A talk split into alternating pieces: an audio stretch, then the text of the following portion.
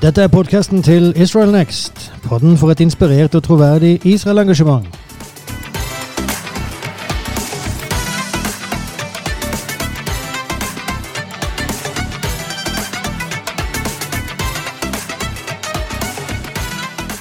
I don't know about you, men jeg blir like salig og lykkelig av denne musikken hver gang. Jeg. Så eh, fantastisk. Dette er Roar Sørensen som du hører her, og med meg i studio så har jeg Alette. Jeg må bare innrømme at jeg tenker mer på hva jeg skal si etter den her, enn å høre på selve musikken, så det er litt vittig, da. Ja, Jeg holder nesten på å begynne å danse her Ja, i det ser jeg faktisk. Det ser jeg. OK. Nei, men du eh, holdt jeg på å si pappa, men jeg mener Roar. Du kom jo rett ifra en preken, du. Eh, Så jeg tenkte egentlig det hadde jo passa så bra å bare fortsette der som du slapp eh, i den prekenen. Ja, det var, et bra, det var en veldig bra avslutning. Det, var- det var jo det. Det var det, altså. Det var uh, gode ting. For det du sa der, det du, det liksom siste, noe av de siste ordene var noe på hebraisk som du sa mode ani', er det uttrykket. Uh, og det er egentlig noe som du også snakka om i den forrige episoden som ble released her på podkasten vår, som var nyhetsepisode. Inside Out. Stemmer det. For da avslutter du med ukens eh, tekst, altså parashat hashavua, som det heter på hebraisk. Altså de leser fra Gammeltestamentet. Eh, og da så snakker de om takknemlighet. Og det er det som Modea Ani handler om også, takknemlighet. Så egentlig bare spinne videre der som vi slapp i forrige episode, og der som du slapp på prekenen her for bare ikke så veldig lenge siden. Men eh, nå har jeg bare sagt Modé Ani hele tida, så nå kanskje du skal si hva betyr det her? Eksakt. Og det, det er jo litt spesielt. Det er faktisk den eh, bønnen som en, en religiøs jøde eh, Det er de første ordene som kommer ut fra hans munn når han våkner på morgenen. Og det betyr 'takker jeg det', takker ani jeg. Og man har altså bevisst snudd på de to ordene for ikke at det første ordet som kommer ut av hans munn, skal være 'jeg', men det skal være 'takker'. Og jeg syns bare det er en sånn en fantastisk fin holdning eh, å, å våkne opp med, med en takksigelse på morgenen. Når man ser det, det var det jeg sa jo på det her møtet i dag, at Paulus er jo akkurat på den linja. Om du går gjennom hans brev, så er det jo takknemlighet, takknemlighet, takknemlighet. Vær takknemlige. Så eh, det her er en veldig bra holdning, og spesielt for den tida som vi er inne i akkurat nå. Ja, akkurat sette fokus på det som vi egentlig feirer, det vi er takknemlige for. Men jeg ble bare litt nysgjerrig på Modea 9. Sier man noe mer etter det? Sier man liksom 'takker jeg Ja. for en ny dag'? Det, så kommer da bønnen Modéani Adonai Eloheinu, eh, og så sier man det, det man sier, altså, Jeg takker deg, eh, Herre vår Gud, for at du har Faktisk så, så sier de at du har gitt meg tilbake min ånd, eller min sjel. Eh, for det- du man- slapp den i løpet av natta? ja, man anser at man, når man sover, så er man Jeg husker ikke eksakt hvor mange eh, sjettedeler eller hundredeler død man anser seg for å være, men man er liksom ikke helt bevisst. Og nå har du fått tilbake det her, og nå er du klar for en ny dag. Så det fins en fortsettelse på det, men det begynner med 'takker jeg'. Herlig. Ja, den likte vi. Mm. Eh, og det, i forrige episode snakka vi om noen ting som vi kunne være takknemlige for oss. for vi snakka om Chanukka og Chanukka-miraklet. Eh, og eh, innvielsen, eller altså, gjeninnvielsen, kanskje vi skal si, av tempelet. Eh, og i dag så fortsetter vi på den bølgen av takknemlighet, mirakel, eh, og det blir ganske åpenbart at vi skal snakke om eh, advent. Det er jo den tida vi er inne i nå. Og advent tror jeg at de fleste av oss har hørt ganske mye om fra før av. Ikke minst liksom fra man var liten av i søndagsskolen, de av oss som har gått på søndagsskolen. Eh, men jeg tror det fins alltid mer å si, og ikke minst å påminne seg om. Så jeg tenker vi bare begynner med det mest grunnleggende, og det er hva er advent? Og det skal du få lov til å svare på, Roar. Ja, eh, og, da må vi begynne med, med å definere ordet. For vi har en liten utfordring på norsk. For, fordi at i selve ordet, som er et latinsk ord, så ligger det norske ordet 'vent'. Men Ja. det, det har jo ingenting Eller skal ikke si ingenting, men det betyr ikke 'vent'. Det betyr ankomst. Og det betyr faktisk ankomst til noe stort. På, på eh, den engelske dictionary som jeg slo opp for oss å finne ut definisjonen på det her, så står det appearance or arrival of a notable person or thing. Og eh, i denne sammenhengen, så den her notable person som skal komme, det er jo, nest, altså det er jo en understatement, for det er faktisk Gud sjøl. Eh, Jesaja sier jo det her så veldig bra. eh, 700 år før, før Jesus kommer, så sier han Immanuel. Det er han som skal komme. Gud med oss, Emanuel. Så eh, Kan man si at advent ikke trenger å være altså Det er ikke noe som på en måte ble til i og med jula og tida før jula, liksom. Det, var det et ord før det? Var det her uttrykket 'notable person'-greia som man venta på, var det et uttrykk før den tida? Altså, det, det var jo, altså, det Ordet fantes jo på latinsk, men selve det her konseptet og det som vi i dag markerer som advent, fantes ikke. Det kommer faktisk fra 300-tallet. Eh, da begynner denne tradisjonen, 300-tallet etter Kristus. Eh, men den tar mange mange år før den fester seg som vi har den i dag. Men fenomenet er et fullstendig bibelsk fenomen. og det, det, ser man i, For det snakker altså om en ankomst, og jeg sa at det betyr ikke vent. Men i og med at ankomst er altså det er noe som skal skje, ankomsten til en person, så fins det en, et begrep eller en, en, tid av å vente på denne her ankomsten. Så Derfor så, så, kan man ikke si at advent ikke har med venting å gjøre. Men fokuset ligger ikke på ventinga, fokuset ligger på ankomsten. Og eh, den som uttrykker det her veldig klart i Bibelen, det er Johannes, døperen Johannes. Som man må tenke seg døperen Johannes tilhørende Gamle testamentet. Altså, for Det er jo helt i begynnelsen av det her nye testamentet. Jesu tjeneste har ikke liksom eh, blitt satt i verk og fullført enda. Så han er jo en gammeltestamentlig person, kan man kalle det. Men han visste at når han spurte Jesus, eller han sendte sine disipler til Jesus og spurte han, er du den som skal komme. Og, og det, det herlige altså, i det der at alle skjønte det her spørsmålet. For, for, Johannes var det helt klart at det er noen som skal komme. Og Jesus skjønte det her spørsmålet. Han visste òg at noen skulle komme. Og disiplene skjønte det. Noen skal komme. Så spørsmålet er ikke skal det komme noen, men er det du? Og eh, På Jesus' svar så skjønner man at han bekrefter det. For han siterer faktisk Jesaja og sier, han uttrykker seks saker som den som skal komme, skal gjøre. Blant annet eh, Åpne døve ører og blinde øyne og så videre. Så eh, veldig, altså jeg synes bare det, det her er fenomenet advent som fins i den, hele den jødiske tradisjonen. Man, man kan eh, ja, Koblinga er tydelig der. Ja. Den, er, den, er, veldig tydelig akkurat der. Også, og det her med Johannes fikk jo ikke dette liksom bare av seg sjøl. Han står jo i en tradisjon som faktisk går 2000 år tilbake. Jeg kalte mitt budskap eh, 'Han som skal komme'. 4000 år av advent. Og, og, da snakker jeg altså om fenomenet, det med å vente på denne ankomsten. altså det skal komme noen. Og den begynte jo med Abraham. Når Abraham får et løfte om at du skal bli til velsignelse Der og da var det ikke veldig tydelig at det var en person som skulle komme, men det var noen ting som skulle skje.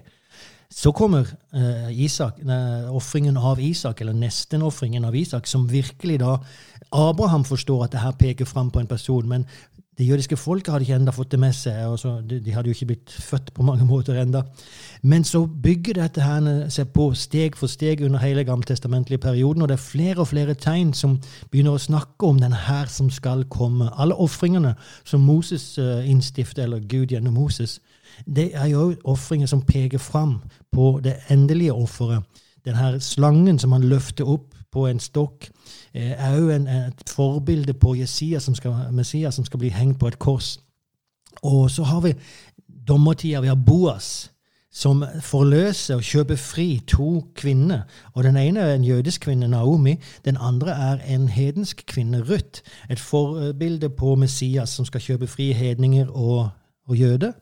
Og så har vi David, så klart. Et enormt forbilde på Messias i det. han er en konge, messiansk konge. Og vi har løftet om Davids sønn. Det er jo der det blir veldig tydelig. Davids sønn skal komme. Og så kommer Jesaja og alle profetene, men spesielt Jesaja, og legger så masse kjøtt på beina om hvem han er, hva han skal gjøre, hvor, eh, hvor han skal bli født. Det har vi der, og i Mika, i Betlehem. Uh, og så at han skal komme fra Jesus' stamme osv så masse ting. At han skal være den lidende tjener. Og så har vi da Zakaria bygger på det her og snakker om en prestelig konge, som er ganske uhørt faktisk i Gamle Testamentet. Men, så alt det han er bygget på, og der utav kommer spørsmålet til Johannes. Er du den som skal komme? Da har man jo på en måte beskrivelsen klar. Så det Jesus trenger jo bare å si det, at eh, ja, men mener du ikke, det her passer jo beskrivelsen. Punkt 1, punkt 2, punkt 3, liksom, liste opp det. Men du sa at, faktisk, at Jesus siterer egentlig rett ifra. Eller henter fra Han siterer fra, fra fire kapitler i Jesaja. Så kapittel 9, eh, nei, kapittel 11, 29, 35 og 61. Så Derifra er disse her sakene Det er seks ting som han ramser opp der Jesus, som Messias skal gjøre. Eh, og, og det henter fra disse kapitlene i Jesaja. Så det, det Og det her er jo eh, det, altså, Om vi går inn i juleevangeliet, om vi skal kalle det det, liksom i Lukas 2 der, så har vi jo Simon og Anna som er midt i denne tradisjonen. altså De er midt i om vi skal kalle det den jødiske advent. Eh, for de er i tempelet. Og når Maria og Josef kommer fram med Jesusbarnet, da dagene for hennes renselse var til ende, står det, så kommer de fram der. Og så fører de fram eh, barnet og, og, og ofringene. Og det var mange guttebarn, og det var mange barn i det hele tatt som ble ført fram der i tempelet. Men der og da så er Anna og Simon og disse det her barnet er det noe annerledes med. Og på grunn av det at de var liksom alerte i sin venting, og det, det er jo et poeng som er viktig Venting er liksom ikke å ligge henslengt på sofaen og, og vente på at telefonen skal ringe. Det er å være alert, det er å være rede, å være vårvåken og se hvor, når, og kjenne faktisk tiden er her. Og det var de to. Eh, og derfor så har du Simon som, eh, som sier det han sier. Har, du har, 'Mine øyne har sett Herrens, Herren Kristus'.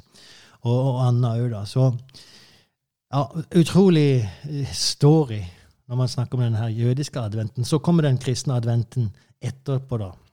Ja, for når du sier at det, den tittelen på prekenen som du nevnte der med 4000 år av advent så først får vi alle de lysene som vi må tenne i løpet av den perioden, hvis vi skal gjøre vår del, eh, som vår tradisjon for advent. Men en annen ting som jeg la merke til, som, som du nevnte der, eh, var i forhold til det her med å, å vente, og forskjellen på mm, eller skal jeg si, koblinga da, mellom, mellom, jødenes advent og det som vi kjenner som advent i dag, eh, i forhold til det eksempelet du tok med togstasjonen. Og hvis man venter på en ankomst der, hvis man da vet om at man venter på noe, og kanskje til og med vet, har en beskrivelse av hvordan den personen vil se ut eller oppføre seg, og sånne ting, det er klart at da vet man jo mer eh, i forhold til når den personen kommer. Eksakt. Ja, jeg tok det her eh, eksempelet da på, på at eh, om vi skal tenke oss at uh, jødene de står inne på togstasjonen ved, ved perrongen der og venter på han som skal komme. De har fått han beskrevet. De, de, eh, de, de, har ikke truffet han ennå, men de har fått han beskrevet. Og han, han skal være 1,80 meter høy, han er mørk, han har en rød hatt på seg osv. De, de vet hvordan han ser ut. Profetene og alle det her som jeg just nevnte, har beskrevet han. Eh, og når han da kommer, så, så, kan de kjenne igjen han. Men samtidig som jødene står på, på, stasjonen, så er de faktisk med på toget. Og det er det her som er litt spesielt. Fordi at den generasjonen som lever da, Simon og Anna, når Jesus blir født, de står på stasjonen. Og, og venter. Men, men hele den jødiske generasjonen som har gått, har vært med og ført fram Messias. Så denne togreisa den har holdt på ganske lenge, altså 2000 år siden Abraham. Og, og Jesus sier jo faktisk det sjøl, at før Abraham var, er jeg. Så, så han har jo òg vært med der på sin måte, og vi leser om det her faktisk gjennom Gamle testamentet. Men denne togreisa har gått i berg-og-dal-bane. Har vært ikke alltid smooth seiling der.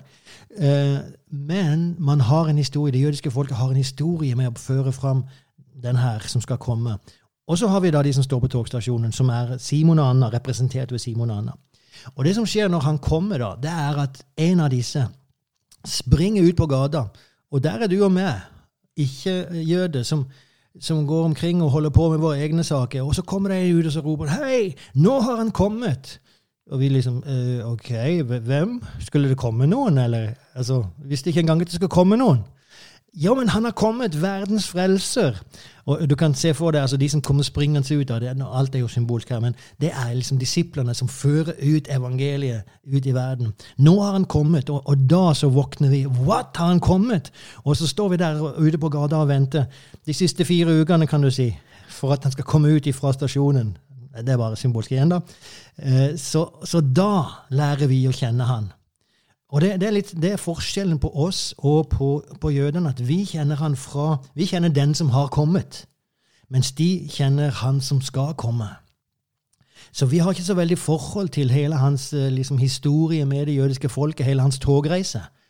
Og, og, jeg tror faktisk at om vi får en bedre forståelse for det, så kommer det til å øke vårt, eh, vår hengivelse til Han, eh, synet på hvor stor frelse vi har fått del av, og det kommer til å gi oss en kjærlighet til det jødiske folket som faktisk har ført Han fram. Og det er jo litt det vi egentlig prater om nå. Den delen av historien. Altså, eh, fordi at når vi snakker om den her frelseshistoriske, eller det perspektivet, så gjør jo det juleevangeliet bare enda megastørre. Det blir bare enda mer amazing. Det gjør det. Så man blir bare enda mer takknemlig. Eksakt. Og, og, og, Jesus og selve frelsen Gud, som har planlagt det her altså de, alle disse århundrene, alt det der blir så mye større. Man, man, man, ja, det, jo, det, var noe av det her som man opplevde når man bodde i Israel og virkelig reiste rundt på alle plassene og leste historien. Så, så var jo det her noe som virkelig sank inn. Akkurat. Og det, det, det skjer hver dag.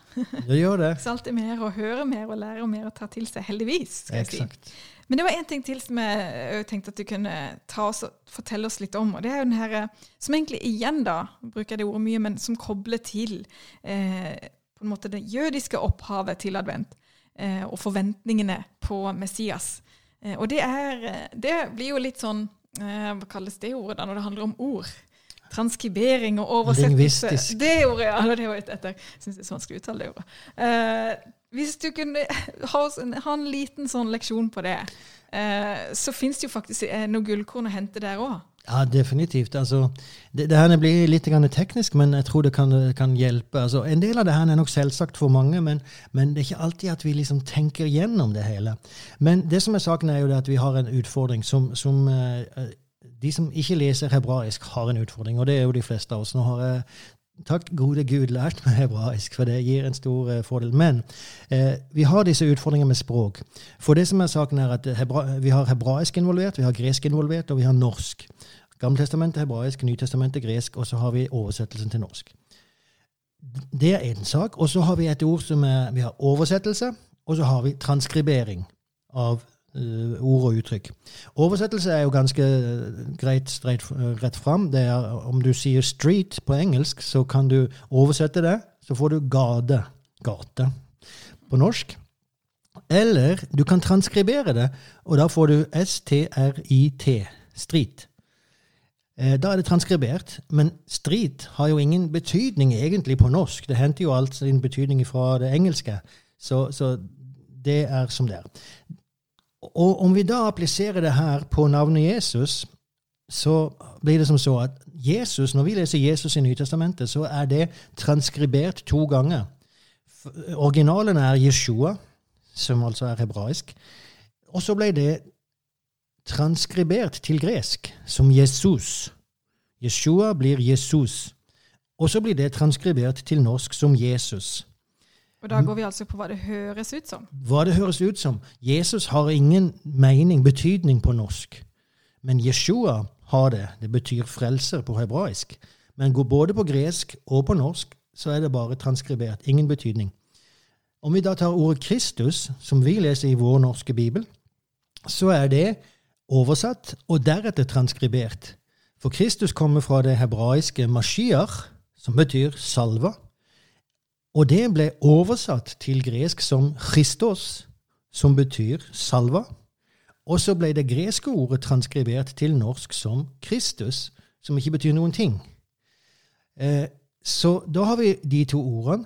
Og så har vi ordet Messias, da som på norsk, som iblant blir oversatt og iblant transkribert. Det kommer som sagt fra det hebraiske Mashiach. Eh, men iblant så skriver vi da Messias, og iblant så skriver vi Den salvede spesielt da i Gammeltestamentet. Det som alt dette her gjør, er at for oss så begynner Jesus Kristus i Det nye testamentet. Det er bare derifra vi leser om han. Men om man hadde lest Bibelen på hebraisk, inkludert Det nye testamentet, så hadde man lest om han i Det gamle testamentet òg. For Jeshua og Hamashiach, frelseren, den salvede, han fins der. Og, og, det fins jo masse det, det som jeg sier, er at Jesus Kristus er gammeltestamentlig. Det, det er liksom det jeg vil fram til her. Det fins masse bibelvers på det her, men faktum er når Herodes Om vi skal bare gå til Matteus eh, Når Herodes får høre at eh, noen Messias har blitt født, så står det i eh, Matteus 2,4 Da kong Herodes hørte dette, ble han forskrekket, og det ble også hele Jerusalem med ham. Og han hadde samlet Og Da han hadde samlet alle øverste prestene og de skriftlærde i folket, spurte han dem hvor Kristus skulle bli født. Altså, Herodes snakker mest sannsynlig hebraisk til disse skriftlærde. Så han ville mest sannsynlig brukt termen Mashiach. Hvor skal Mashiach bli født? Den salvede. Men da Matteus skrev dette her, så skrev han det til jøder som bodde utenfor Israel. Og mange av de, de fleste av de, var gresktalende. Og da var Matteus så heldig, om vi skal si det så, at 250 år før hans tid, 250 år før Kristus, så hadde jøder oversatt Det gamle testamentet, altså det som vi kaller Det gamle testamentet, skriftene, oversatt de til gresk. Og det er det som kalles septuaginta. Og når de oversatte Mashiach til gresk, fordi at de ville jo nå jøder som ikke snakker hebraisk, men som bare snakker gresk Når de oversatte Mashiach til, eh, til gresk, så brukte de ordet Kristus. Så det er jøder som har kommet opp med den termen. og Derfor kunne Matteus, bru, bruke den og vite at alle jøder der ute ville forstå det her. Så det er den termen Kristus. Og termen Jesus, da eller, ja, så man kan, Når man går gjennom Gammeltestamentet, Salme 2.2 for eksempel, så, så står det om jordens konge som stiller seg opp, og fyrstene rådslår mot hverandre, mot Herren og mot Hans Kristus. Mot hans salvede, står det på norsk òg. Men det er altså hans Kristus. Og det er masse sånne vers. Om vi da skal ta eh, termen Jesus i Gamle testamentet, så er jo det altså Jeshua. Og vi kan bare gå til Jesaja 49, vers 8. På frelsens dag hjelper jeg deg. Og der skulle man kunne oversatt det med 'på Jesusdagen'. Altså Det er jo helt, er helt utrolig hvis, hvis, man hadde skrevet det i våre norske bibler. 'På Jesusdagen hjelper jeg deg'. Men det står jo så klart på frelsens dag, for der så oversetter vi Jesus, Jeshua. Men i Nytestamentet så gjør vi ikke det. Der transkriberer vi det. Og derfor så forsvinner Jesus Kristus ut av Det gamle testamentet for oss. Og vi er mye vanskeligere for å koble til denne 2000-årige jødiske tradisjonen. Og hele vitsen med det her er jo ikke for at vi sier at uh, Jesus ikke, altså Det er ikke som en term, det er fremdeles navnet Jesus. Og for oss så betyr det jo alt det. Det betyr den salve, det betyr frelse, altså sånne ting. Ja, ja, ja. Eh, hele pakka. Men det er det, som, det du sier med at vi mister litt at det faktisk står om Jesus i Det gamle testamentet. Bokstavelig talt. Eksakt. Altså hans navn, som egentlig da er eh, frelseren den salvede. Det står det om i hele Gamle testamentet. Det er litt kult, for det, det, er jo ikke noe man tenker på bare sånn når man leser Bibelen en, en vanlig onsdag på norsk, liksom. Nei, eksakt. Det... Men det, det, det, tar oss til Jesaja. Nå, nå, kan vel du lese noen vers fra Jesaja. for eh, Jesaja er jo fantastisk. Han lever 700 år fra Kristus. Og så skriver han her i Jesaja 9, og du leser der fra, fra vers 1. Ta fra vers 1, ja. Da står det Men det skal ikke alltid være mørke i det land hvor det nå er trengsel. Tidligere førte Herren vanære over Sebulons land og over Naftalis land. Men i framtiden skal han føre ære over det, over veien ved havet, landet på den andre siden av Jordan, hedningenes Galilea. Eksakt. Og vi snakker om hvordan Jesaja gir så masse kjøtt på beina av hvem den som skal komme, er. Veldig mye geografi her. Ja, eksakt. Og det er interessant når man leser Bibelen, at det er utrolig mye geografi, og man kan spørre Konkret. seg hvorfor. Ja. Eh, man kan spørre seg hvorfor, men det er fordi at det var viktig.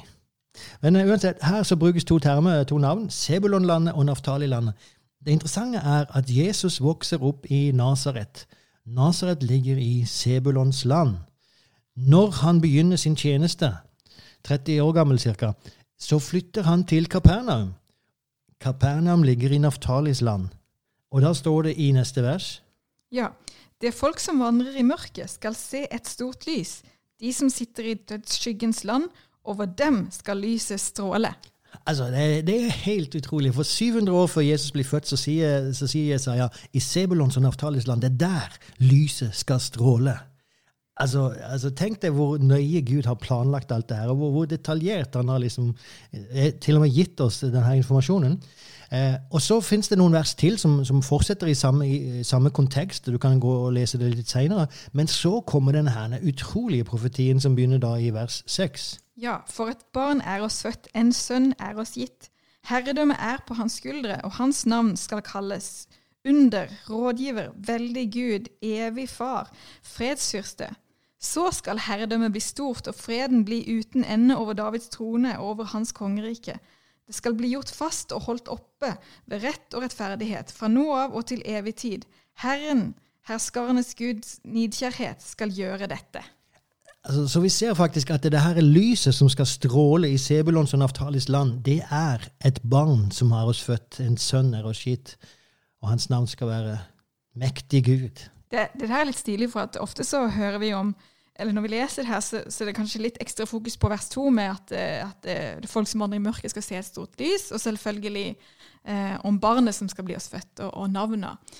Eh, men, men, så er det kanskje litt lett å hoppe over den her geografiske eh, Fordi at det kanskje ikke alltid gir like mye mening. Det, liksom, det, det, føles jo ikke som at det er der fokus ligger, og det er kanskje ikke akkurat der fokus heller på en måte ligger da, sånn sett. Det er jo ikke der hovedbudskapet ligger. Men det gir jo ganske mye bakgrunn når man bare liksom får litt de her ekstra, den her ekstra informasjonen. Ja, altså, sammen, ja. Eksakt. Hovedfokuset ligger jo virkelig på at et barn er oss født. altså Det er jo det at en frelser har kommet. Ja. Men det faktum at, at Gud liksom forutsier 700 år før, det er ganske sterkt. Og det sier Det bare bekrefter det faktum at denne troen som vi har fått overgitt fra fedrene, som det står i Judas, det er det er en solid tro. Den er forankra i historiske fakta. Det er ikke en myte, sånn som det, det var med de greske gudene på denne tida når Bibelen ble skrevet det, altså det jeg liker med det her, er litt grann at um, det gjør på en måte Israel, føler jeg da, relevant i dag også.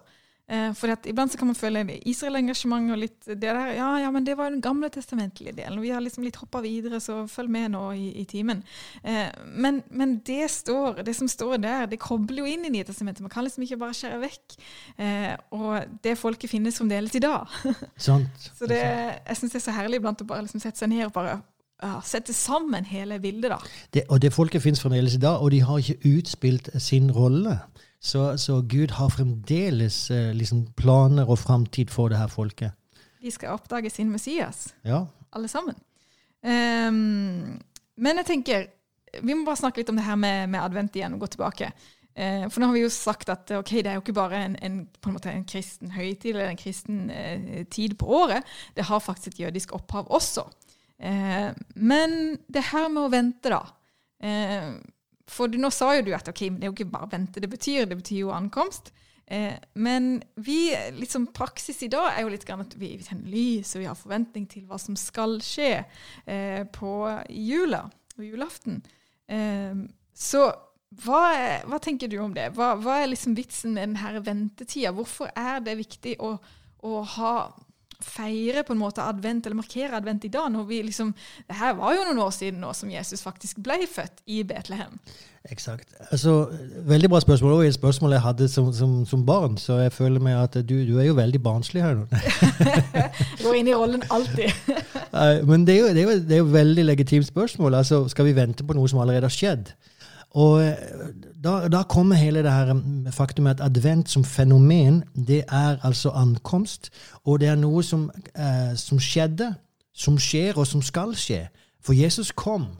Men det står jo at han kommer til oss. Der to eller tre er samla i hans navn, der er han midt iblant. Så i våre dagligliv, i våre liv, så, så kommer Jesus. Han kommer til oss på forskjellige måter som, som vi behøver han i vår enkeltsituasjon. Og så skal han en gang komme igjen. Så ankomst det, det, er ikke bare det at han kom, men det er jo det at han kommer og skal komme. Så Det er litt lignende nattverden, faktisk, som òg har disse tre perspektivene av fortid, nåtid og framtid i seg. For Paulus sier at så ofte som dere gjør dette, altså nå, som påminner dere om Herrens død. Dere forkynner dere Herrens død, som altså har skjedd fortid, inntil han kommer framtid. Så Litt lignende, eh, i alle fall, der du har alle tre aspektene inne. Og Det er litt kult at det står det, faktisk. At vi skal gjøre det i forhold til nattverden. da. Exakt. Med hele tidsperspektivet. Um, det er um, mye å hente fra det her. Nå prater vi jo litt sånn i, i, uh, si, i hovedpunkter. Uh, for det finnes mye man kan si under hver ting. Uh, men vi tar i hvert fall det viktigste med oss, som vi syns er viktigst. Ja. Men tenk, ja, hadde du noe mer du tenkte på? Jeg tenkte bare på, på selve den kristne adventen, om vi skal si noen ord om det òg. Kan jo være bra. Ja, for, for det, altså, Uttrykket er jo liksom eh, og, og, tradisjonen er jo en kristen tradisjon som kom til på altså, Det begynte på 300-tallet, men, men, da faktisk eh, i en litt annen form, og, og ikke kobla til jul, men, men, samme tidsperiode. Men det var forberedelse for dåp eh, for, for nye, nyfrelste. Eh, og, og, det var fokus på omvendelse og sånne ting.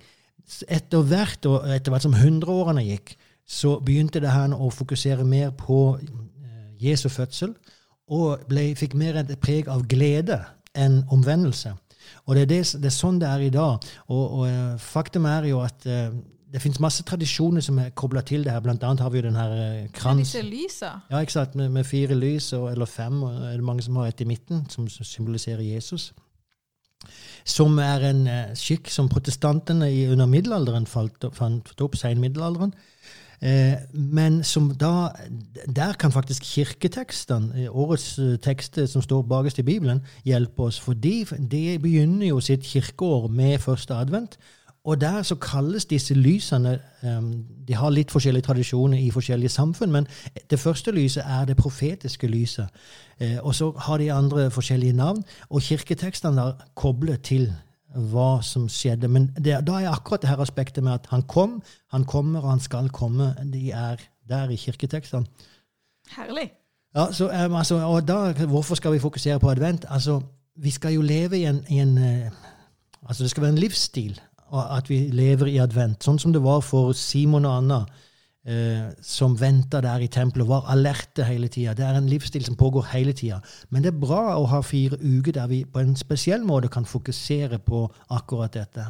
Jeg tror i hvert fall sånne personer som meg trenger det. Trenger litt sånn struktur i livet. liksom... Jeg tror vi trenger det alle, faktisk. Kan, det kan det bli blant eh, vet med, For egen del i hvert fall litt sånn eh, litt sånn åndelig at eh, nei, men det, det, lever jeg i hver dag, og det husker jeg på. Men iblant så kan det kan være bra å ha sånn kalenderopplegg og liksom planlegge litt. Det er ikke helt galt, det heller.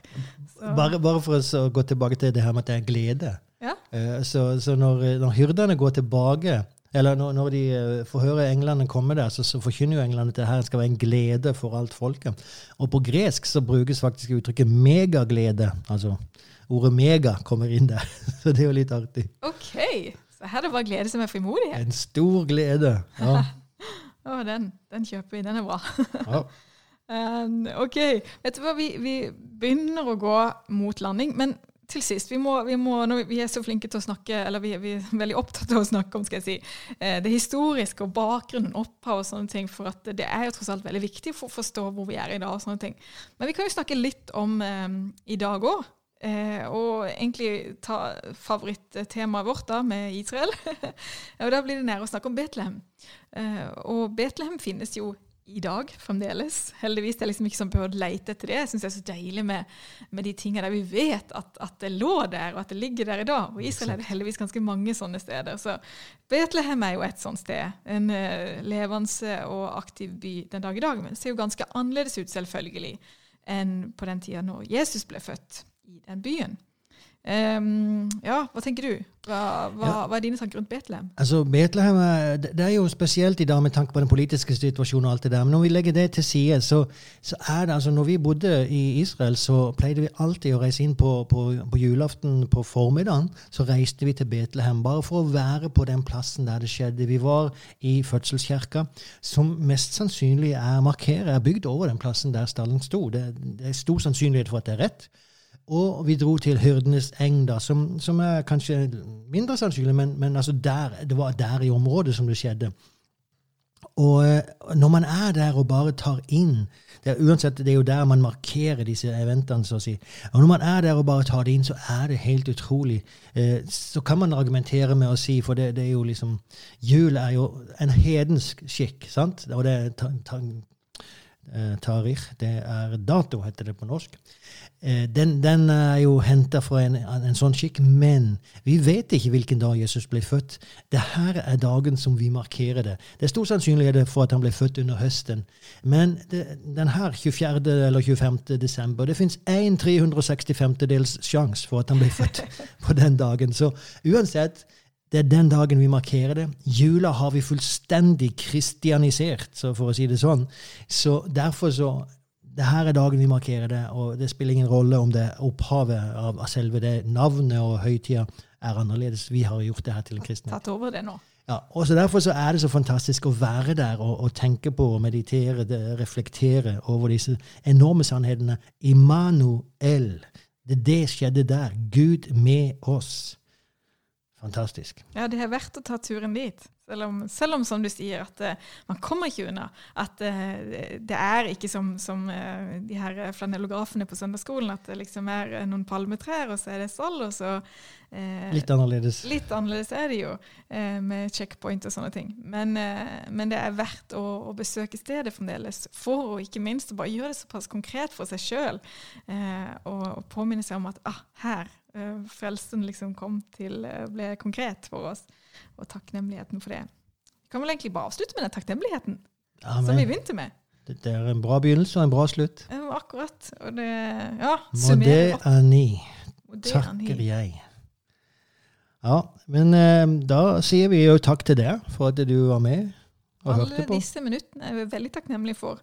Vi kan jo også bare nevne det at eh, Inside Out, som er den nyhetsdelen av denne podkasten som du står for, Roar, den kommer som vanlig neste uke. Da får vi en ny oppdatering om hva som skjer i Israel fra perspektivet inside Israel. Eh, men Zoom Out, er delen av podkasten som vi holder på med nå, der vi fokuserer på et tema av gangen. Eh, der tar vi en, også en liten julepause fra, fra denne episoden, og så er vi tilbake igjen rett over nyttår. på det her. Next year on Zoom Out. Exactly. Det er vel litt programmet for det. Ja, herlig. Da sier vi som sagt takk for at du var med. Du får gjerne lov å spre dette her hvis du synes det er verdt å spre. og Det håper vi og tror vi at du gjør. Og eh, så høres vi lenger fram. Så vil vi jo at alle, alle, skal ha en fantastisk fin adventstid og bare glede seg med frimodighet. Og selvfølgelig en velsigna og god jul. Amen. Og inntil neste gang, si noe godt om Israel.